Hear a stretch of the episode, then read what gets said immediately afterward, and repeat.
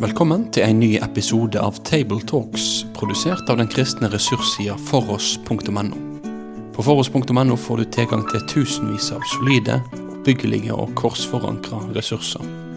Vil du være med og støtte dette arbeidet økonomisk? Da kan du gjerne gi de gaver til Foross på VIPS nummer 70979. Vi håper at du setter pris på dagens episode av Table Talks.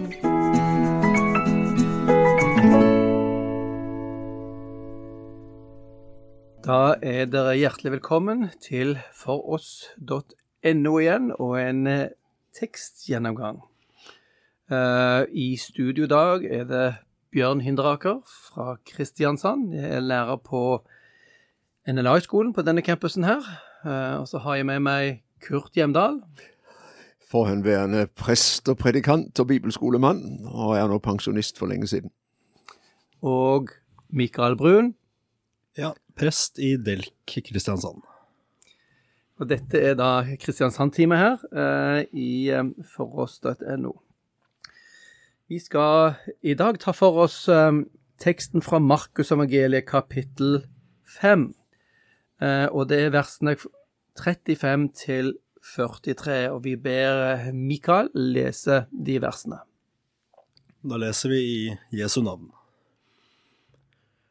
Mens han ennå talte, kom det noen fra synagogeforstanderens hus og sa, Din datter er død. Hvorfor bryr du mesteren lenger? Men Jesus hørte det som ble sagt, og sa til synagogeforstanderen, Frykt ikke, bare tro. Han lot ingen følge med seg uten Peter og Jakob og Johannes, Jakobs bror. De kommer så til synagogeforstanderens hus. Der ser han et stort oppstyr, folk som storgråter og jamrer høyt. Idet han kommer inn, sier han til dem, Hvorfor larmer og gråter dere? Barnet er ikke død, hun sover. Men de bare lo av ham.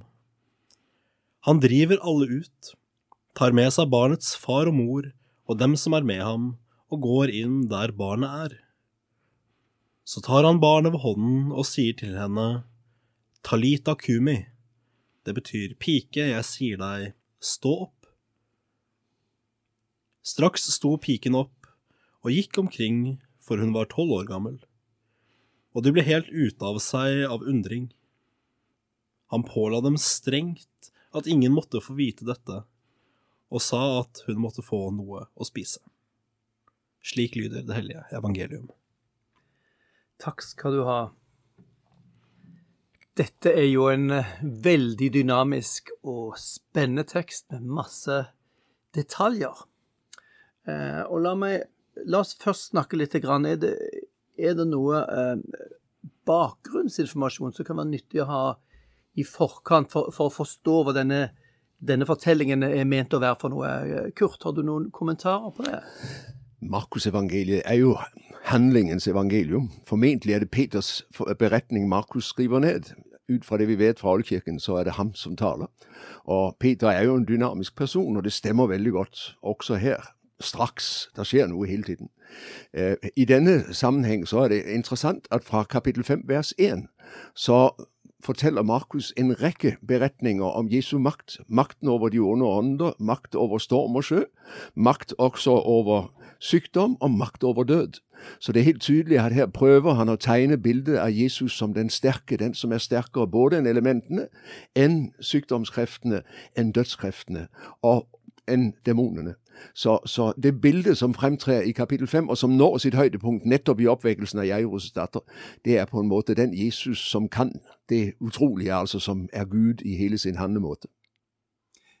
Det er, det er veldig interessant at her er det et drama som bygger seg opp. og i, sånn, Rett etter denne her teksten så kommer han til Nasaret, og der står det han kan ikke gjøre noen under, eller han gjør ingen under, fordi der folk ikke trodde på han. Men her var det et høydepunkt med med folk som både trodde sterkt og opplevde mye. Ja. Uh, Mikael, uh, uh, hvis du bare skulle dele nå liksom ting som slo deg når du leste denne teksten i denne gangen, det noe som overrasket deg, eller som du merket deg i, når du leste teksten denne gangen? Jeg, jeg, syns det er interessant å se hvor på, en- på en måte hverdagslig hele mm, fortellingen egentlig fremstilles. Um, sær- særlig avslutningen, hvor, um, hvor, hvor Jesus bare uh, sier at jo, men hun må få noe å spise. Um, og, og ingen, ingen sånn um, Skal vi si um, Ja, nå, nå mista jeg litt Nei, han prøver, han prøver ikke å skape sensasjon. Ja, ikke, ikke den store sensasjonen, sant? men eh, og heller ingen sånn forståelse for at um, dette her er et uh, enormt under. At her er det en uh, jente som har vært død og, og blitt uh, vekket opp igjen. Hun, hun, hun var død, og ja, disse her var i stor sorg, sant. Og, de, de var i, og, og så blir de så forskrekket at de, de klarer nesten ikke å glede seg engang. De bare blir, blir slått av undring. Eh, Så det er det ene. Men så, og så er det dette som kommer i vers eh, 36, da, så nå hopper jeg litt fram og tilbake, hvor Jesus sier 'frykt ikke, bare tro'. Og det kan vi jo si at um, selvfølgelig, selvfølgelig kunne Jesus si det, fordi han visste hva som skulle skje. Men dette her, dette 'frykt ikke, bare tro', det, det er nesten sånn vi er kanskje vant med å høre fra litt sånn eh, si, nesten litt lettsindig karismatikk. At å ja, har det, har det skjedd noe kjipt? Uh, men bare tro. Dette her er jo ikke noe farlig, bare tro så er det selvfølgelig Jesus som sier dette, og da fremstår det helt annerledes enn når et menneske sier det. Men uh, ja. Hmm. Jeg synes jo, når det, Hvis jeg skal få lov å føye til noe, eh, så syns jeg det er veldig spennende også at han sier hun bare sover. Det er helt tydelig. Han prøver på en måte å gi det mulighet til å bortforklare under. ikke sant? Eh, For, for det er ikke under i seg selv som har oppmerksomheten, men det er omsorgen for jenta og foreldrene. Og det tenker jeg også, det er jo noe av det typiske med Jesu under. Han er ikke ute for å gjøre under for å få oppmerksomhet, men fordi mennesker trenger det. Og, og jeg tenker det, det vi snakker om nå, er um, er ting som vi hele tiden møter i evangeliet og møter med Jesus. Han overrasker og overrumpler. Av og til provoserende. Det ser vi jo også han gjør her. Uh, og det er ganske viktig når vi leser disse tekstene og prøver å fange opp dette. Det, det, det, er aldri liksom selvfølgeligheter rundt Jesus. Eh, og både, både under og det han sier i forkant, og det han sier i etterkant, er ting som, som er litt sjokkerende og, og uventa.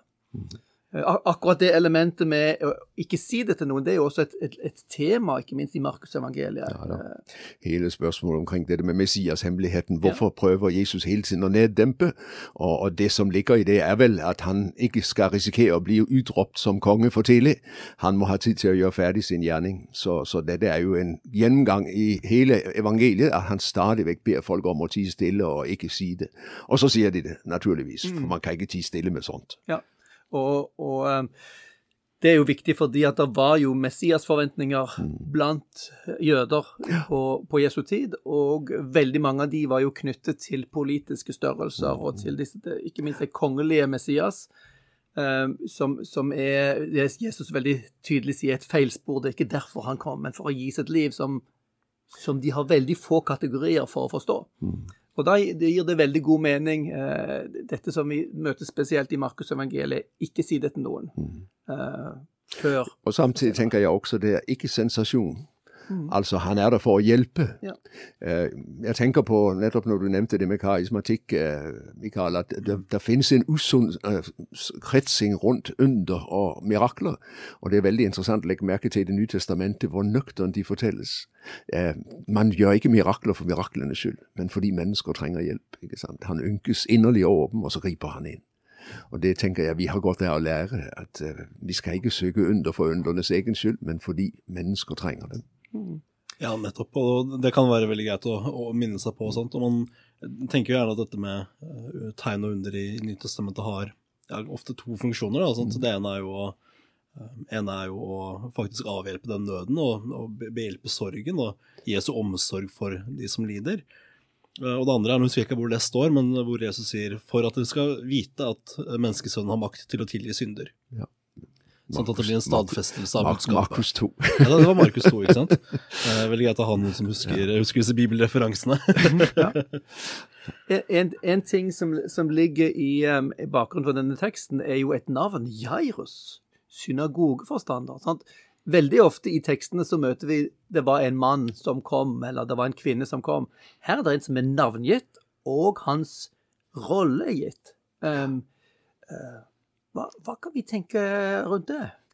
Ja, For det første så er det jo veldig interessant at vi ser en rekke eksempler på at Jesus også hjelper mennesker i slike stillinger. Altså, Vi må regne med at selv om det er sterk motstand fra noen, så er det andre i det samme, den samme gruppen som er positive til ham fordi de har opplevd nettopp hans inngripen og hans omsorg. ikke sant? Og Jeg kan jo aldri tenke meg at Jairus etter denne opplevelsen snakker negativt om Jesus. Han har gitt ham datteren igjen. ikke sant?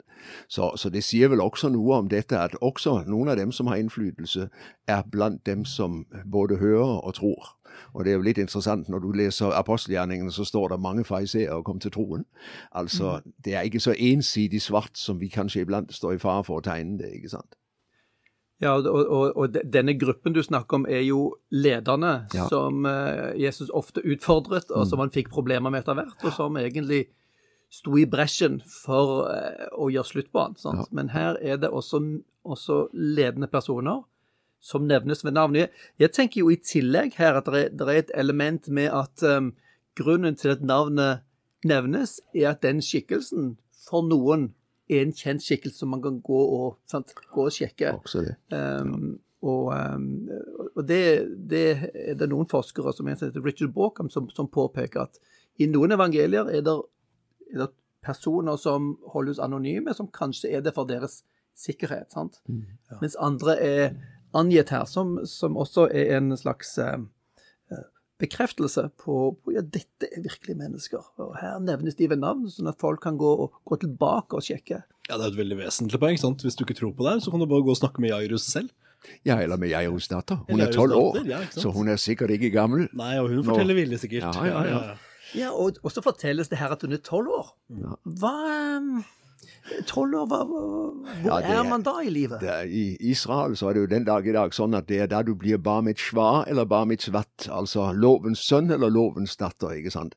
Så tolvårsalderen det er på en måte den alder da du blir åndelig moden og selvstendig. Da kan du for første gang som gutt lese høyt i synagogen fra skriftrullene.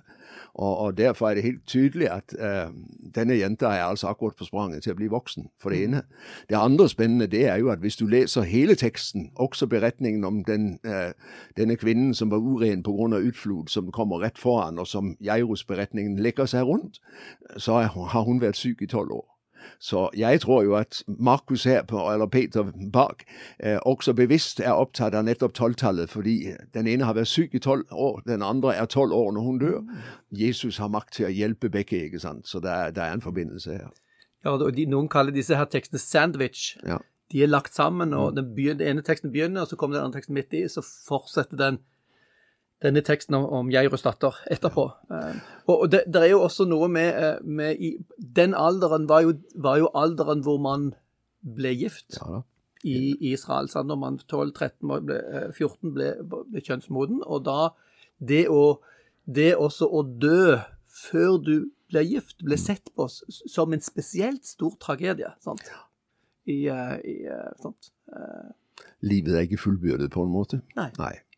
Eh, og jeg tenker jo også på begge disse to har altså en tolvårssituasjon mm -hmm. som er både dramatisk og tragisk. Mm. Og Jesus kommer inn og løser den mm. voksne damen mm. og den lille jenta og setter dem fri ikke sant, til et ja. helt nytt liv. Uh, og det er ett et element til her som ikke vi oppdager hvis ikke vi kjenner til litt av, av bakgrunnen. Det er det at uh, hun, kvinnen, som kom og berørte Jesu kjortel, hun var uren. Mm. Døde mennesker er urene. Begge disse to skikkelsene var urene, og det er en kjempeutfordring. og Det, det styrer jo hele din for, altså for hun voksne damen som hadde vært uren i tolv år. Hun, hun, hadde jo ikke kunnet leve et normalt sosialt liv, hun. Eh, og, og, neppe hadde hun vært gift, ikke sant. Og da da er du utafor i det samfunnet hvor, hvor, det å stifte familie er det viktigste du gjør. sant? Jo, eh. det er helt sant. Og, og, og det å røre døde, vet du, det gjorde jo den som rørte, uren. Mm. Og Jesus har altså ingen problemer med å gå inn og røre den lille og reise henne opp. ikke sant? Og så er det jo en fantastisk triumf. Jeg tenker på det når vi taler om denne søndagen som høstens påskedag i kirkeåret, at her har du på en måte gjenklangen fra påskemorgen vi tror på en som er herre over døden. Det er litt av et, en dimensjon over kristentroen. fantastisk. Ja, det, ja. ja Beklager, det var ikke meningen å avbryte deg. Nei, men, men det er klart at det er jo, det er jo enormt, sant. Hvordan, og, og, da, og da får vi også dette Jesus sier, frykt ikke, bare tro. Sant? Det settes jo i et mye større perspektiv også. For det er jo ikke bare denne familiens nød og, og denne, denne jentas død som han eh, avhjelper, sånn sett, men vi kan jo tenke at dette her handler også om vår frelse. sant? At også vi skal stå opp. Ja, Og det er helt klart perspektivet. At det går ikke bare for Jeg mener, de fleste døde, og også Jairus' datter måtte dø igjen.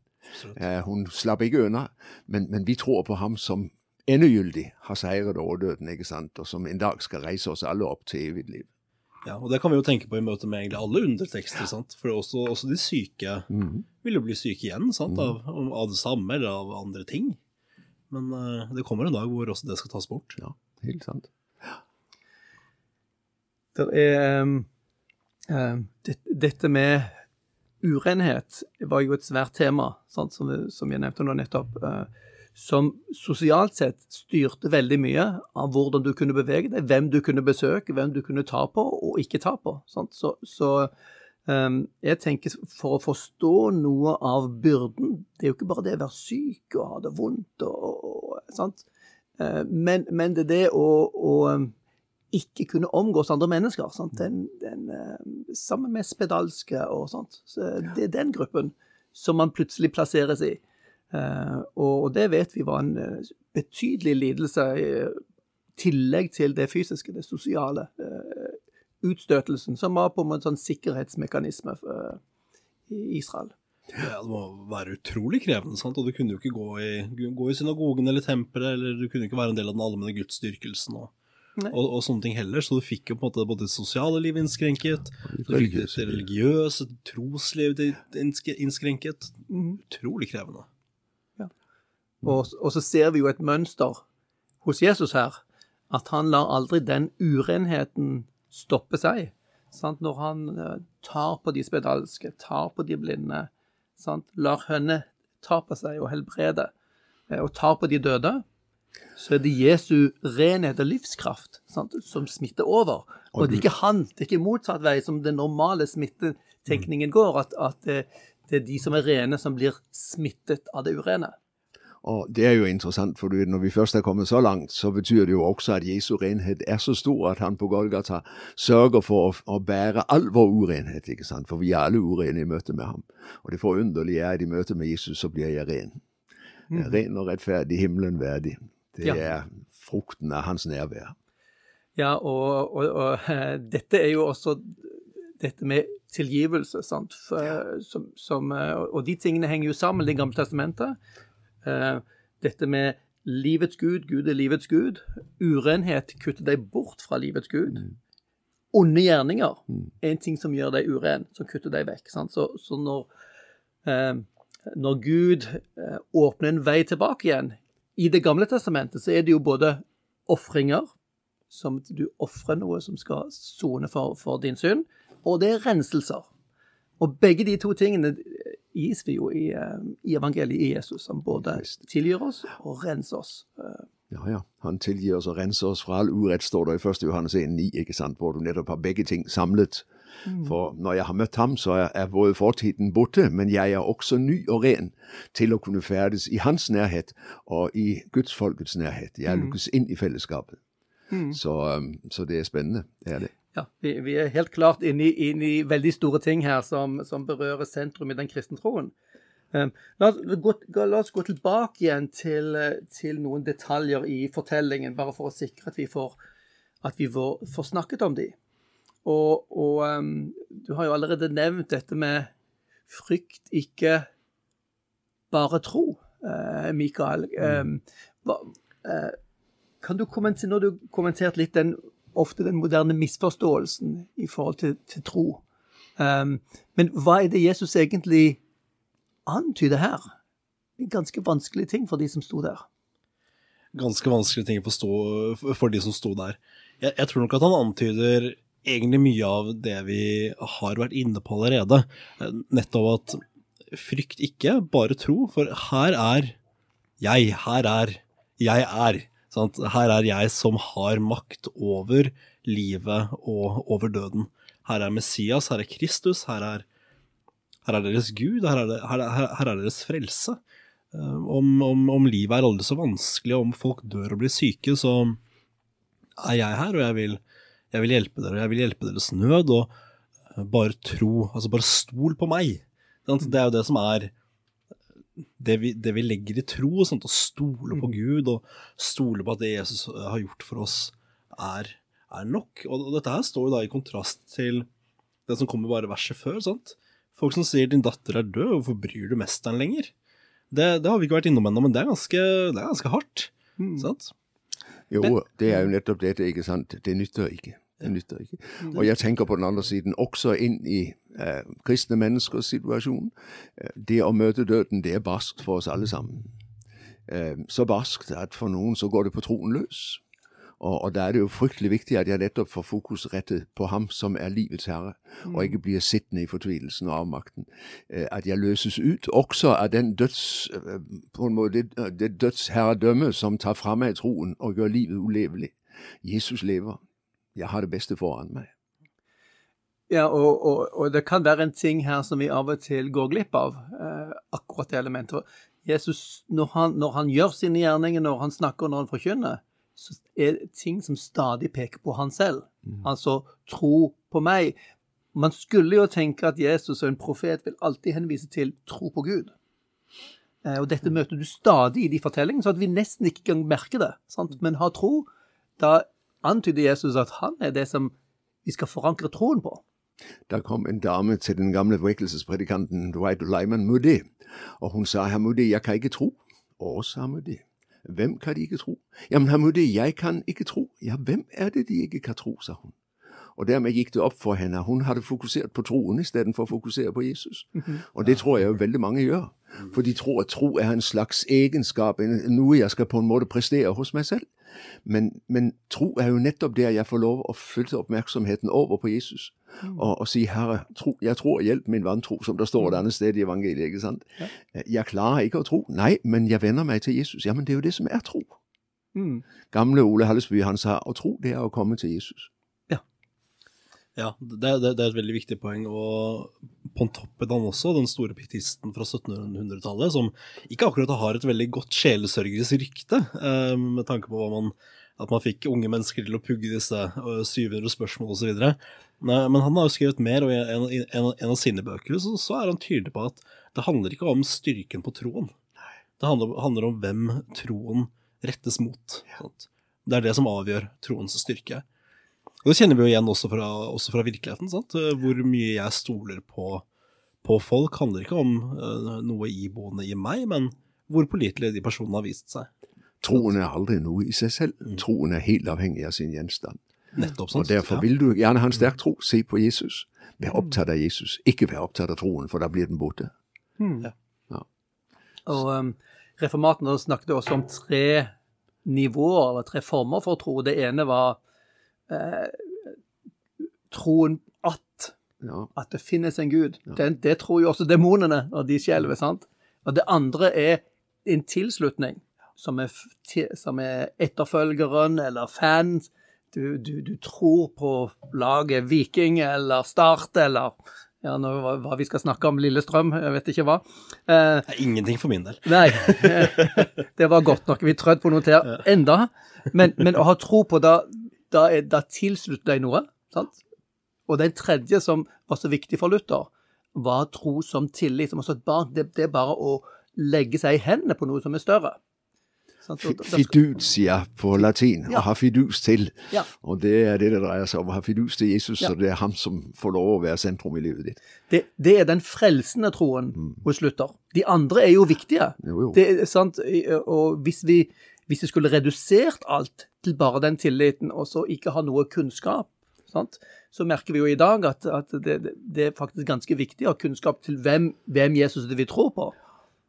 Ja, absolutt. Og når vi er inne på det her, det er veldig spennende å snakke om tro, og hva er egentlig tro? sant? Fordi vi tenker ofte at troen er en, ja, en gjerning i seg selv, sant? og at troen er en størrelse som er på en måte viktig i seg selv, da, men som vi var inne på nå, så er troen er jo, og det sier jo Luther også, troen er jo egentlig ikke, ikke, noe. Troen er bare det som griper de løftene mm. man har i Jesus. Sant? Og så kommer Luther inn på dåpen osv., det trenger vi ikke gjøre nå, men uh, ja, at eh, troen er det som griper de løftene vi har. Og, og du kan si det, det griper den Gud vi tror på. Det er ikke bare en Absolutt. ting, ikke bare et, et ord, men Gud selv kommer til oss. Uh, og det som er så veldig interessant i Nytestamentet, at for oss er dette Jesus. Jesus er Gud selv som kommer til oss. En, en helt sjokkerende tanke som vi er dessverre altfor alt vant til til å se hvor, hvor radikal den er. Jeg er bestefar, og nå er barnebarna mine blitt store, men vi bodde i en stor prestegård med en høy trapp opp i andre etasje. Og noe av det gjeve for barnebarna i den riktige alderen, det var å stå på tredje eller fjerde trinn, og så hive seg ut på, for der sto farfar med begge armene, og tok dem, naturligvis. De hev seg ikke fordi de var sikre på at de falt, men de hev seg fordi de var sikre på at de ble grepet. Og jeg tenker tro, det er nettopp å betro seg. Jeg overlater meg. Det er ikke en prestasjon, men det er på en måte at jeg overlater meg til en som er mye større enn meg, og som har styring på hele livet mitt og på hele situasjonen. Og det er jo det Jairus opplever. Når han følger Jesus inn, så har han betrodd seg, og så viser det seg han blir ikke til skamme. Jesus er der og gjør undre. Ja, og, og det, det er jo en av de tingene som gjør at, at, at vi lutheranere er veldig opptatt av tro, kan jo til og med et barn, for det, det er den, den grunnleggende tilliten hvor ikke du selv gjør noe, egentlig. Eh, og det kan også forklare hvorfor det av og til for oss, vans, for oss voksne kan være så vanskelig å tro. Det er fordi vi legger vekt på den delen som har med vår eh, sant, vårt såkalt bidrag, eller vårt nivå på tillit, eller vårt nivå på kunnskap. Eh, og, og her er jo dette her med å tro som troen på Jesus, hvor vi griper Jesus, en, en, en god korreks til vår egen altfor navlebeskuende trosforståelse. Men der tenker, der tenker jeg også, det er jo typisk at det er i en krisesituasjon, i en sammenbruddssituasjon, at Jairus' tro oppstår. Alle dører er stengt, alle muligheter er, er, tomme. Han har én mulighet igjen, og det er å vende seg til Jesus. ikke sant? Og jeg tenker på hvor mange som opplever at det er der troen blir til. Når jeg har tenkt meg trett til døden, si så hva du har tenkt, o Gud, står der i en gammel salme. Og, det er vel det Jairus også- opplever. Her er alle hans muligheter uttømt. Han har én mulighet, og det er å vende seg til Jesus. Og han går ikke forgjeves. Og jeg tror jo for alle dem som nå sitter midt i en sorgsituasjon, og som opplever at han kom ikke og gjorde frisk og reiste opp, våg å betro deg også med sorgen til Jesus, og hvil i at der kommer en oppstandelsesmorgen, der kommer en dag da vi skal møtes igjen, og da alt blir nytt. Ja. Dette, dette ser man jo også i andre steder hvor desperate mennesker søker til Jesus, sant? f.eks. den eh, kanadiske kvinnen. Sant? Der er det jo også sånn at hun i sin fullstendige desperasjon søker til, til Jesus med sine, med sine blødninger, eller, eller hva det var. sant? Nei, det var en datter som var syk, vet du. Den kanadiske. ja, ja, det var det det var, takk. Det er veldig greit å ha sånne klare, klare hoder med seg. Um, Men hun, Ja. hun, hun som det fortelles om ja, eh, innimellom her, ikke sant? hun har jo prøvd alt. Mm, Akkurat det samme. Akkurat det samme. Og, og det, det forklarer jo kanskje også hvorfor det er av og til vanskeligere for oss voksne, såkalt selvstendige mennesker. Vi, vi er vant med å tenke at vi skal være selvstendige, vi skal klare oss selv. Og da lever vi på den løgnen at vi har liv i oss selv. Og den, eh, den er det viktig at vi av og til får utfordret. Og det skjer jo i krisene, hvor vi da plutselig åpner opp for Jo, og jeg tror jo det er derfor Gud også tillater. Hvorfor, hvorfor blir folk syke? Hvorfor kommer de i krise? Er ikke det ofte måten Gud får tak i folk på? De oppdager plutselig jamen kjære tid, jeg strekker ikke til. Eh, alt mitt går i stykker. Og da blir spørsmålet hva nå? Hvor kan jeg vende meg? Eh, og der er jo tragedien i det moderne Norge for en ung generasjon at fordi de ikke kjenner, ikke har kunnskapen, så vet de ikke hvor de skal vende seg. Jeg tenker på alle dem vi ser eh, som tar livet sitt, fordi de ser det hele meningsløst. Og fortvilelsen er jo at de har ingen å gå til, for de har ikke hørt om ham som er i stand til å hjelpe dem. Mm. Er, eh, midt, midt i fortellingen her, når Jesus går inn og, og, og jager folkene ut, som er sorgekoret som har begynt å komme inn der, så sier han noe helt eh, merkelig. Talita kumi. Eh, det er ikke noe norsk. Har du noen, Mikael, har du noen kommentar på det? Kanskje vi har en med oss som er, er mer språkkyndig enn det er? Nei, det er rett og slett et aramaisk. Eh, Altså, Jesus, eh, Jesus talte jo aramaisk, og det er helt tydelig at denne dette uttrykket det har gjort så inntrykk på Peter at det sitter igjen som et øh, minne han ikke kan viske bort. altså. Sånn at Hver gang han tenker på denne beretningen og gjenforteller den, så må han bruke den opprinnelige aramaiske uttalen før han oversetter det til gresk. ikke sant? Talitakumi, livsordet som reiser jenta opp. Og um, Det er jo veldig interessant, for det betyr jo rett og slett 'stå opp'. ikke sant? Så Det er oppstandelsesordet Peter på en måte har båret med seg og aldri har glemt. Det står spikret i hukommelsen. Tenk, han sa det, og der ble hun levende. Som igjen eh, modellerer hva Gud gjør Ja. når Gud skaper liv. Han griper inn og gjør levende.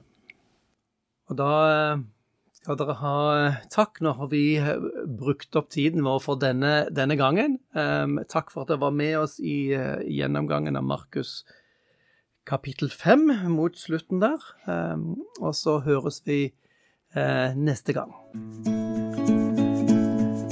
Da vil vi si takk for at du valgte å få med deg denne episoden av Tabletalks, produsert av den kristne ressurssida foross.no. Driftinga og utviklinga av nettsida vår den er avhengig av gode og trufaste støttespillere. Vil du gi ei gave til dette arbeidet? Da kan du gi den via VIPS nummer 70929, eller så kan du besøke foross.no for mer informasjon om å kunne bli en fast giver. Ha en god dag videre.